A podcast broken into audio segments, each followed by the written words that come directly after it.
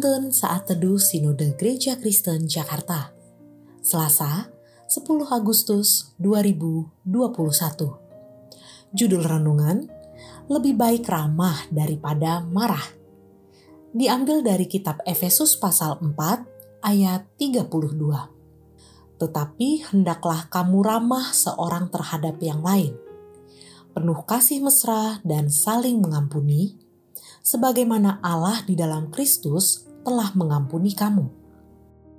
Sebuah kenyataan yang tidak bisa dipungkiri adalah betapa sulitnya mengubah kebiasaan.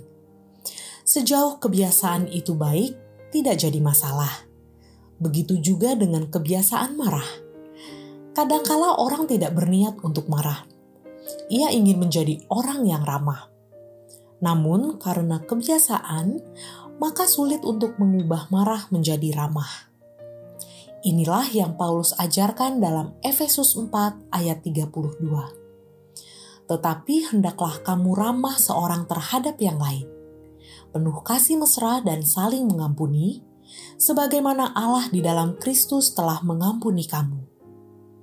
Pengalaman hidup Paulus menasihati jemaat Efesus untuk menjadi orang yang ramah tidaklah mudah begitu juga bagi kehidupan kita berjemaat.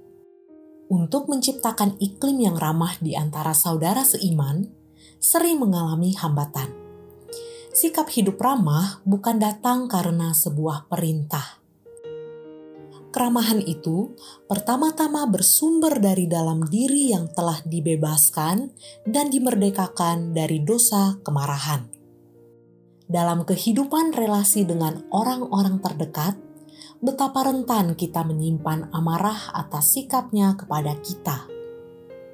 Daripada energi kita terkuras dengan sikap yang tidak membangun, lebih baik kita mengingat-ingat janji dari firman Tuhan yang akan memampukan kita memiliki respons yang positif atas orang-orang di sekitar kita.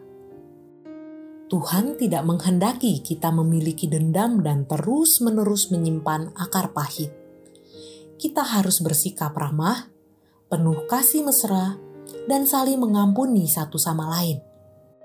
Di atas semua itu, ingatlah, kita yang telah beroleh pengampunan dari Tuhan juga harus membuka hati untuk mengampuni orang lain. Sebagai orang-orang yang sudah dimerdekakan dari sikap marah, bersikaplah ramah terhadap semua orang, sehingga semakin banyak orang datang kepada Tuhan. Kiranya Tuhan memampukan kita